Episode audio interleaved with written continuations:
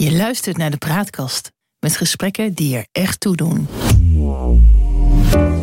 Welkom bij deze nieuwe aflevering van Nu is Later. Een podcast die gaat over ben je geworden wat je wilde worden?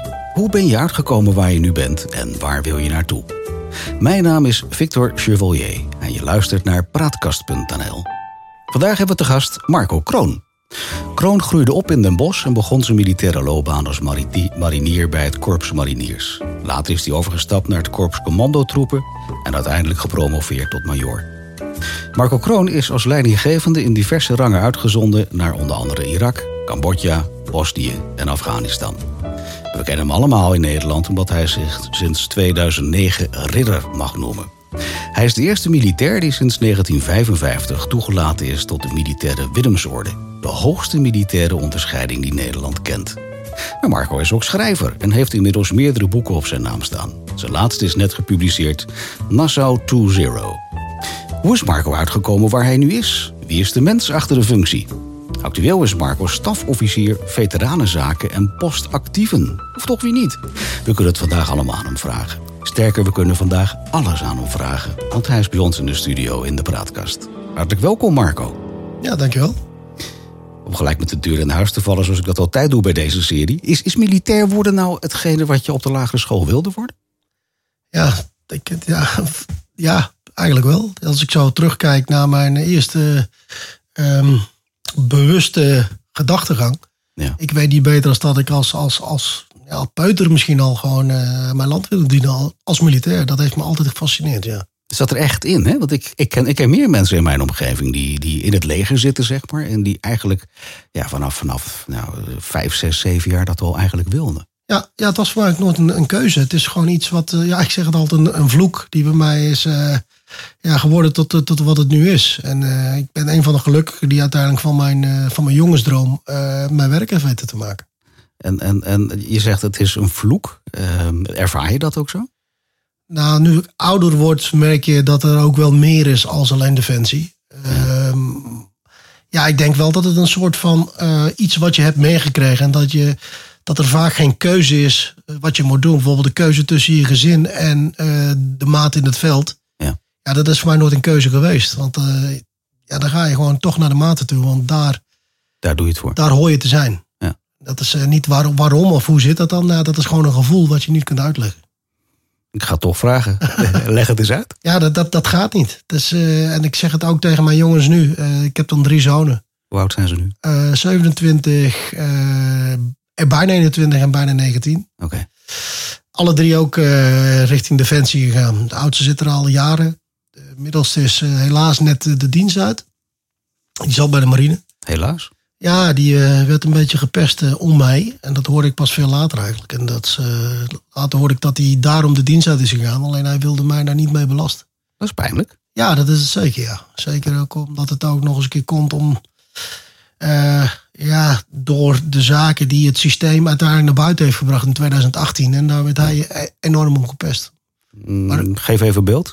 Ah, 2018 heeft de, de, de ministerie van Defensie, uh, toen ik discreet met een uh, openbaring naar buiten ben gekomen uh, binnen de gelederen van Defensie, over mijn gevangenschap. Mm-hmm. Nou, dat hebben zij toen naar buiten gebracht als zijn leugen en fantast, zodat ze er zelf maar niet over hoeven te spreken. Terwijl notabene ze het nieuws, of het verhaal zelf naar buiten hebben gelegd bij het OM. Ja. En dat is uiteindelijk op mijn rug afgeschoven. En daar hebben mijn jongens tot op de dag van vandaag nog steeds last van. Van papa Pinocchio, die oude leugenaar. En ja, ik kan me voorstellen op die leeftijd. Uh, ik ben natuurlijk wel nog steeds hun vader. En als je zo. Uh, en ik snap hoe dat gaat op de werkvloer en hoe de man met elkaar omgaan. Ik begrijp dat. Ja. Alleen ja, de ene is, is wat zachter als de andere. En kijk, voor mij was het geen probleem geweest. Ik, ik kan dat wel pareren. Mm.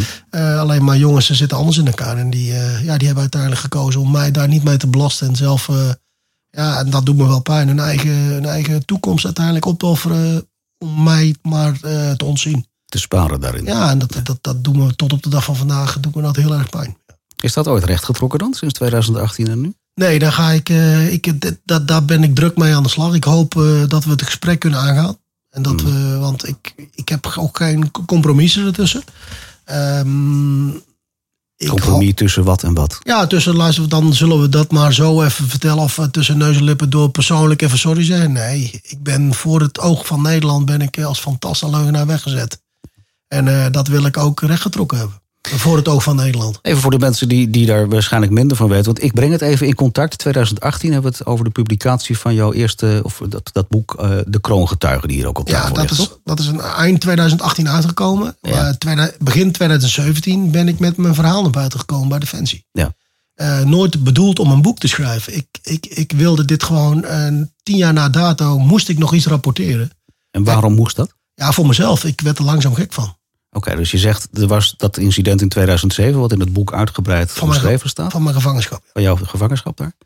Eh, dat wilde je eigenlijk intern bij Defensie Ja. ter sprake brengen. Ja. Maar wat was dan voor jou het punt van, joh, het is nu tien jaar later, ik wil dat dus nog doen. Hoe werkte dat in jou? Ja, ik merkte dat, er gewoon, eh, dat ik inteerde op mijn mentale eh, ge- gezondheid. Ik, ik, kijk, als je de reden waarom ik al die uitzendingen heb kunnen verwerken, is dat ik erover heb kunnen praten. En hier kon ik niet over spreken toen het tijd, want die missie liep nog. En die missie was eh, dusdanig eh, gevoelig. En we hadden zo'n, het product wat wij leverden was gewoon veiligheid. Informatie die één op één eh, real-time information was. Ja. die gewoon levens heeft gered. En ik wist als dit naar buiten komt, waarvan ja, sommige eh, lui waren niet eens op de hoogte van die, van die missie. Waaronder ook toen de tijd onze minister van Defensie. Eh, zo gevoelig lachen. Dus ik denk als dit naar buiten komt nu, dan, dan, ja, dan wordt die missie eh, geheid eh, gestopt. En dat, dat kan gewoon niet. Dus vandaar dat ik dus ook heimelijk dit wilde vertellen. Omdat ik er gewoon zelf niet meer mee kon leven. Ik, ik kon er gewoon niet mee leven. Omdat ik vond dat ik nog iets, iets moest, iets moest rapporteren. En, en, en wat zou zo'n rapportage naar jouw gevoel in dat moment toegevoegd hebben? Op de- nou, mezelf on- ontlasten. Kijk, in 2006 ben ik. Eh, eh, ik, ik ben geridderd. eh, onder andere door mijn beleid. Door mij altijd naar buiten brengen van, het, eh, van de informatie die ik heb meegenomen. Elke dag rapportages maakte ik die ik niet hoefde te doen. Ja. Dus ik. En zo, zit zo steek ik in de war. Ik vind een, een militair moet rapporteren aan zijn commandanten. Punt. Tenzij het hoger belang dient. En dus uiteindelijk je dat niet kunt rapporteren. En dat gaat ten koste van jezelf. Mm. En dat is ook, ja, dat durf ik al te zeggen, tien jaar lang op mij ingeteerd. Tot op een gegeven moment ik merkte van, ja, nu ga ik er aan onderdoor.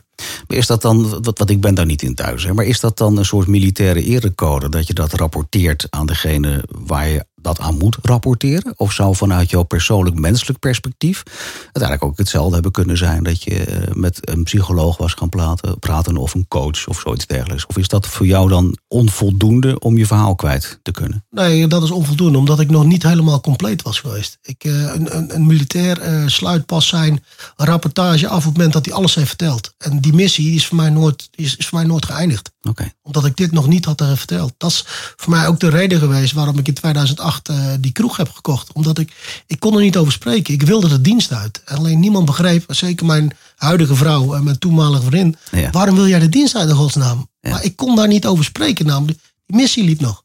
Oké. En dat was voor jou ook eigenlijk het hele idee waarom je in 2017 daar naartoe ging. En hoe ben je ontvangen toen dan? Eh, nou, het- ik ben dus bij een, eh, bij een generaal terechtgekomen die ik nog kende uit zijn, eh, uit, heel lang daarvoor. Ja. Toen hij nog geen generaal was. Ik had daar een Een vertrouwens... goede, een goede binding. Nou, een- inderdaad, een goede vertrouwensband mee. Ja. En die heb ik dat toen verteld. En ja, die schrok ook. En, maar dat was voor de eerste keer in tien jaar dat ik echt open kaart kon spelen. En dat was best wel emotioneel. Mm.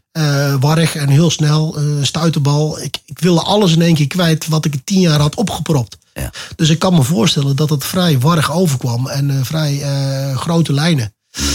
Totdat ik op een gegeven moment eh, werd er gebeld vanuit de, top van, door de hoogste generaal van toen de tijd, de commandant de strijdkrachten. Ja. En die vertelde mij dat ik een advocaat in de arm geval moest nemen.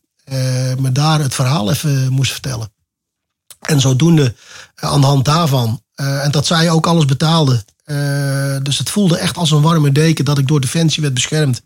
Eh, maar ze wilden dat juridisch natuurlijk even bekijken hoe of wat. Dat kon ik me helemaal voorstellen. Ja. Eh, nou, toen ik eenmaal mijn verhaal aan Geert-Jan Knoops had gedaan, zag hij ook van, ja, ik zie hier operationele noodzaken en gewoon zelfbescherming. Dus hier, er is niets aan de hand. Hier, hier heeft het OM absoluut niets mee te maken. Dit is gewoon een militaire actie geweest. Ja.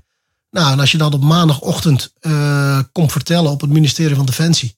Mm. eh, en daar staat iemand die, waarvan ik niet eens wist dat die bestond. Een, eh, een, een ambtenaar. was dat dan? Nou, ik, ga geen namen noemen. Ik kom uit de Volksbuurt, hè, dat doen we niet. Oké, geen naam, maar functie? Wat, wat, eh, Nou, er was gewoon een, een, een, een, zo een topambtenaar vanuit Defensie. Die mij vertelde dat, dat we maar geen details hoefden te vertellen. Ja. Terwijl ik daar eigenlijk voor kwam. Mm. Om de details te vertellen. Een opdracht van de commandant de strijdkrachten. En die zei toen heel, ja, heel, heel sec. eh, wij willen geen details weten. Want ik heb het, het ligt al bij het OM. Dus het, het, het, eh, we hoeven daar niets over te... Het is nu aan hun. Oké. Ja, en dat, ja, en dat, dat was voor mij een, eh, een dolk in mijn rug. Maar voor de luisteraar thuis, hè, die, die, die van deze casus helemaal Ja. weet. Het gaat er dus eigenlijk om, als ik je mag samenvatten, dat je, dat je bij jouw leidinggevende binnen Defensie meldt wat er gebeurd is in 2007. En er eigenlijk dan wordt geconcludeerd van ja, maar dat, dit was geen oorlogshandeling. Dit is iets wat bij het OM thuis hoort. Dat, Correct? hè, nou, als ik het zo, ja, ik denk dat je dat goed samenvat. Er wordt geconcludeerd door iemand. Die denkt van, hé, hey, laten we het OM eens onderzoeken. Ja. Voordat we überhaupt de details hebben aangehoord. Ik vind het onbeschoft en ongehoord dit. Oké, Daar ben ik nog, tot op de dag van vandaag ben ik daar enorm boos over. Dat merk ik aan je. Ja, en daar laat ik het ook niet bij zitten. Want ik ben op die manier gewoon echt als fantast en leugenaar weggezet. Omdat het uiteindelijk niet meer uitkwam omdat ze erover moesten spreken. Terwijl ze het zelf, het verhaal zelf naar buiten hebben gelegd. Ja. En dat, dat, dat is onvergeeflijk. Dat laat ik niet los. Maar nog even teruggaan, want nu hebben we drie thema's door elkaar heen lopen. Enerzijds zeg jij van, van ik heb in 2007 iets meegemaakt wat ik, wat ik graag eigenlijk eh, aan mijn leidinggevende wilde, wilde melden. Want zeg je, dat is ook een soort militaire erecode. Ja. Dan zeg je, dat deed ik. En toen werd er eigenlijk door Defensie gelijk een, een, een, eh, ja, een soort civiele zaak van ge- gemaakt. Nou, civiel is het ook niet eens het juiste woord. Maar vanuit het Openbaar Ministerie werd je daarop aangepakt omdat je iets gedaan zou hebben wat eigenlijk niet hoorde. En het werd tegelijkertijd op straat gelegd. Nou, dat heeft nog een jaar geduurd. Ja. de 2017 kwam ik met mijn verhaal naar buiten. Eh, Ja. En dan bedoel ik naar buiten binnen de defensiekringen. Hoopte ik dat het daar zou blijven. Ja. Echter, eh, ja, bepaalde ambtenaren hebben dat informeel, zeggen ze dan netjes. Ja, je hoeft geen zorgen te maken. Het is informeel bij het OM weggelegd. Nou, als er iets niet informeel is, bij, dan is het wel bij het OM. Want dan is het gewoon wachten op lekken. Ja. En er zijn er nog een aantal zaken meer gebeurd waar ik nu niet over uit ga wijden. Waar die ook echt eh, wat niet kan. Wat je denkt dat kan alleen maar in films. Mm. En, eh, maar dat is wel over, over mijn rug gebeurd toen de tijd. En toen ik dat meemaakte, dacht ik van, ja, nu ga ik schrijven. Nu ga ik mezelf beschermen. Nu ga ik, eh, buiten het feit dat ik schaamde me om erover te spreken wat er, wat er met mij daadwerkelijk daar gebeurd was.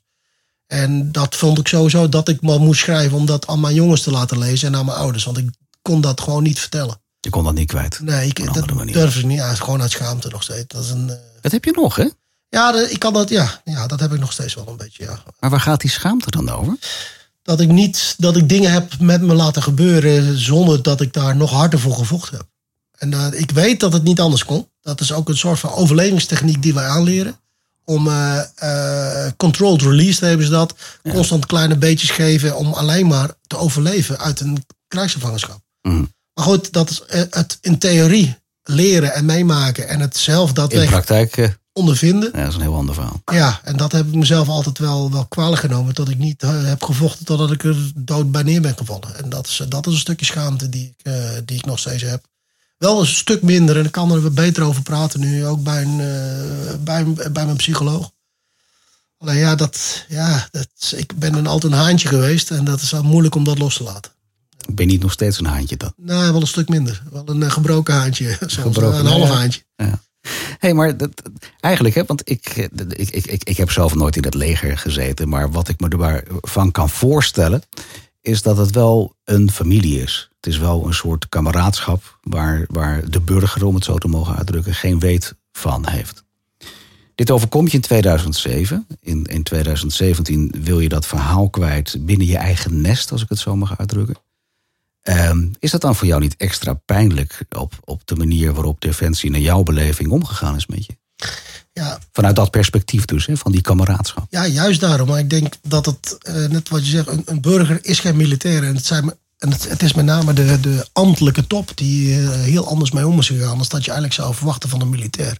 Vanuit jou, jouw perspectief, wat is het verschil tussen een ambtenaar en een, eh, Iemand die in het, die in het veld zit, zeg maar. Uh, nou, tussen de militair en een burger is het, is, ja, het verschil is dat je de, die band of brothers, dus dat je met elkaar dingen hebt meegemaakt, dat je mm. ver buiten je comfortzone gaat en uh, ten koste van jezelf. Ook al heb je niet geslapen, heb je niet gegeten, heb je niet, heb je niet, uh, heb je niet gedronken, dat je dan nog steeds eerst aan je maatje denkt en dan pas aan jezelf. Gewoon doorgaan. En dat is wat, wat, uh, wat ik al zeg, dat is iets zo moois, onbetaalbaars wat wij als militair hebben. Zeg, het is natuurlijk de CEO die we hebben is schandalig. Zeker voor de la lagere rangen.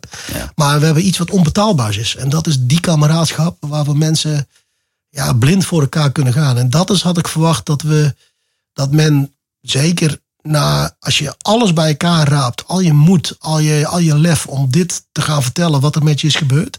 En er wordt zo met je omgesprongen.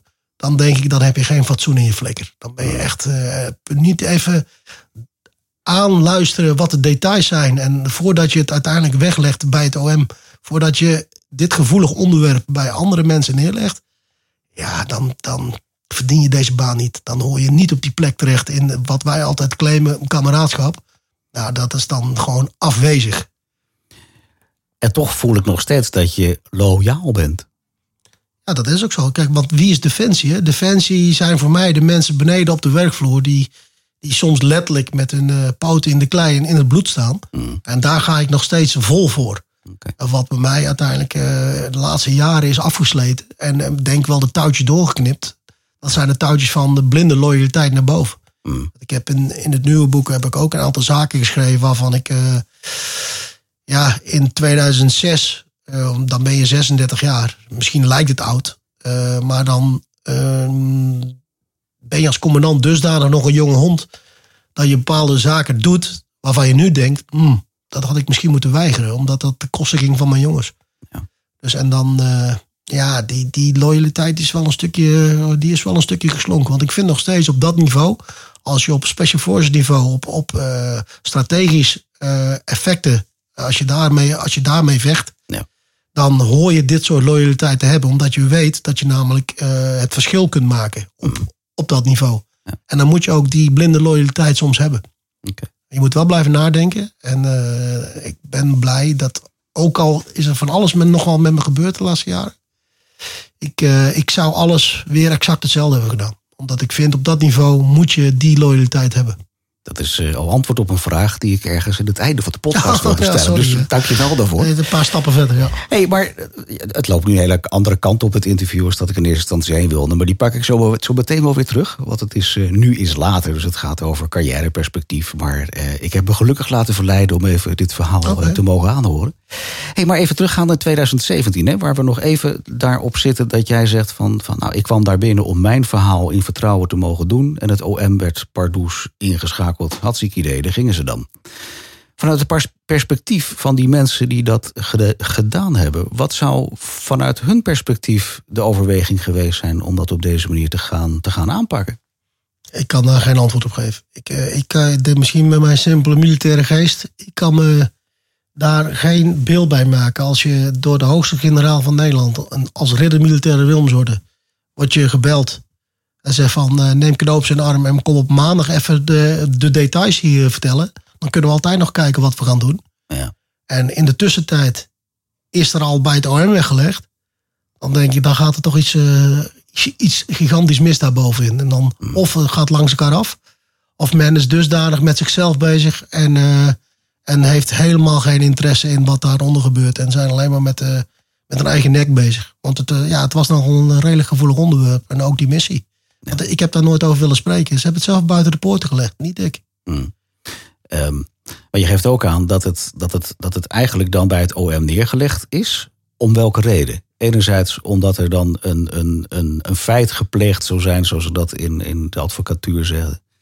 Eh, die tegen, tegen het wetboek is, zeg maar. Um, of was dat vanwege het lekken wat potentieel staatsgeheim is? Waar, waar ging het nou eigenlijk om? Nee, dat lekken dat kan nog steeds, want er was nog niks uh, naar buiten gekomen. Nee, maar toen hè? Ja, dat, er ook, nee, dat weet ik niet. Ik, ik, ik heb echt geen flauw idee. Ik, zou die, ik, heb ook, uh, ik heb altijd opengestaan voor het gesprek. Ik heb ook meerdere keren een gesprek aangevraagd uh, met die betrokken persoon. Echter, dat is altijd afgehouden. Ik, op een of andere manier... En welke reden zou dat zijn dan? Ja, eh, geen reden, geen opgave van reden. Nee. Ik denk angst bij, door het feit dat ze inderdaad wel een foutje hebben gemaakt. Dat ze een compleet verkeerde inschatting hebben gemaakt. Oké. En eh, daar wacht ik op, op die excuses. Openlijk. En die wil je echt, hè? Ja, absoluut. Al, al, al word ik honderd. Uh, Srebrenica heeft 30 jaar geduurd voordat het kabinet sorry zei. Voor de jongens die daar hebben eh, gevochten voor ons land. Mm. En eh, ik ben maar één persoon, maar ik laat het niet los. Ik bijt me erin vast en ik tot mijn laatste adem. Ehm, ik weet ook dat er in 2018 is er een reportage gemaakt door Nieuwsuur over het incident in 2007. Ehm, jij hebt daar ook een boek over geschreven, hè, met eh, de, de Ja. kroongetuigen waar het over gaat. Toenmalig minister Bijleveld, hebben we het net ook over gehad, geloof ik. Heeft de hoofdredacteur van het programma Nieuwsuur verzocht niet over te gaan tot publicatie. eh, omdat toen enkele feiten en details mensenlevens in gevaar zouden kunnen brengen. Ehm, de missie in Afghanistan, wil ik het straks ook nog even over hebben, is nu ten einde. Maar denk jij dat die rapportage die ze toen gemaakt zouden hebben, nu alsnog uitgezonden zou kunnen worden? Nou, ik zou je sterker vertellen. Ik heb een rapportage geschreven van, eh, van het moment dat ik van die eh, rotonde ben afgeplukt. Toen ik in een gestolen auto reed. Ja. Die hebben ze. Alleen die heeft men altijd eh, ontkend. En dat, dat is het hele cruciale van het verhaal. Maar dat was ook in dat, in dat item van Nieuwsuur dan. Ik heb geen flauw idee, want ik heb dat nu, of dat, dat item ken ik niet. Mm. We hebben ook meerdere malen een aantal zaken, tenminste mijn advocaat en ik toen de tijd bij Nieuwsuur aangegeven van het ligt anders. Echter, het programma was al gemaakt, dus het, moet uitgezonden, het moest uitgezonden worden. Ja. Ja, over, over, eh, over objectiviteit eh, ge- gesproken. Maar ja, ik heb geen flauw idee waar het toen over ging. Kijk, dit was allemaal niet nodig geweest als ze gewoon even hadden geluisterd. Want ik had ze precies kunnen vertellen wat ze wel en wat men niet had kunnen vinden. Het was mijn werk daar. Ben Bepaalde de dingen te laten geïnterviewd door Nieuwsuur? Dus, dus, dus in, in dat opzicht nooit horen en wederhoor Nee hoor. Nee, maar dat, zijn, dat is wel meer zaken bij mij geweest. Eh, alleen maar het, eh, het hoor en het wederhoor nooit. Mm.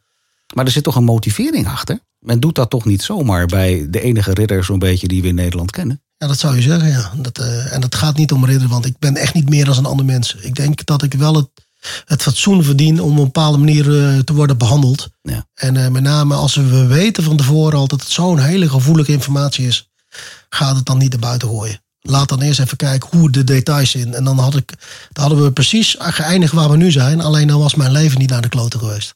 Is het dat nu wel? Nou, ik, ik, ik, ik schaam me voor iets wat ik niet ben. Ik schaam me dat, voor het feit dat ik als fantast en leugenaar ben weggezet. Mm. Dat ik weet dat dat zo niet is. En dat is voor mij wel een, eh, een, een van de knakmomenten geweest waarom ik een jaartje thuis heb gezeten. Ja. Oké. Ja. Hoe is het nu met je? Nou goed, en je merkt dat ik nog een beetje vurig ben. Mag. Maar dat, eh, dat, dat moet het zo zien. Een bokser, eh, als, hij in de, als hij in de ring komt, dan wordt hij wat feller. Mm. En als hij uit de ring is, dan, eh, dan kan hij zich een beetje gedragen. Maar het, vuur zit nog, het vuur zit nog echt in me. Want niemand, maar dan ook niemand, maakt me uit als fantastisch en leugenaar. Niemand. En dat, al is het alleen maar om mijn kinderen en een stukje eerherstel. Ja. Dat mijn kinderen zometeen binnen Defensie daar geen last meer van krijgen. Voor mij is het te laat. Maar het vuur zit er nog wel, ja. Beetje pijnlijke opmerking voor mij is het Nee hoor. te laat. Maar Nee, nee, nee. Nou, het is, ik denk dat wel. Kijk, iedereen, eh, ook vrienden van mij, die hebben natuurlijk wel eens verjaardagspartijtjes en dat soort zaken. En als ze dan zeggen, ik ken Marco Kroon. Ja, dan zie je heel veel mensen in één keer een bepaald beeld eh, eh, uit hun ogen komen van, huh, hoezo dan? Hoe ken jij die lul? Eh, en ik, en, en dat zit er ook gelijk bij. ja, dat, eh, en ik, ik neem ze niet eens kwalijk. Mensen hebben gewoon jarenlang alleen maar eenzijdige informatie eh, gehoord. En krantenkoppen gelezen waarvan als ze een artikel niet lezen... ja, dan, dan zie je de nu- nuanceverschillen niet. En ik... Kijk, als je inderdaad een agent een kopstoot zou hebben gegeven... ben je ook een grote hufter. Maar nu wordt je gezien als iemand die dat inderdaad gedaan heeft. En dat doet me wel pijn. Heel ander onderwerp misschien. Ja, Maar ik kan me voorstellen dat men, ander, ja. men mij wel een, een bepaald beeld van mij heeft. Dat, dat, ik neem het ook niet kwalijk. Alleen het ligt echt anders. Ehm, zometeen in deel 2 spreek ik er graag over verder. Want ik wil ook graag over je carrière hebben. Ja, loopbaan hebben wij hè, bij Defensie. Eh, loopbaan, excuus. Loopbaan van Marco Kroon, zometeen in het tweede gedeelte. Graag aan de andere kant.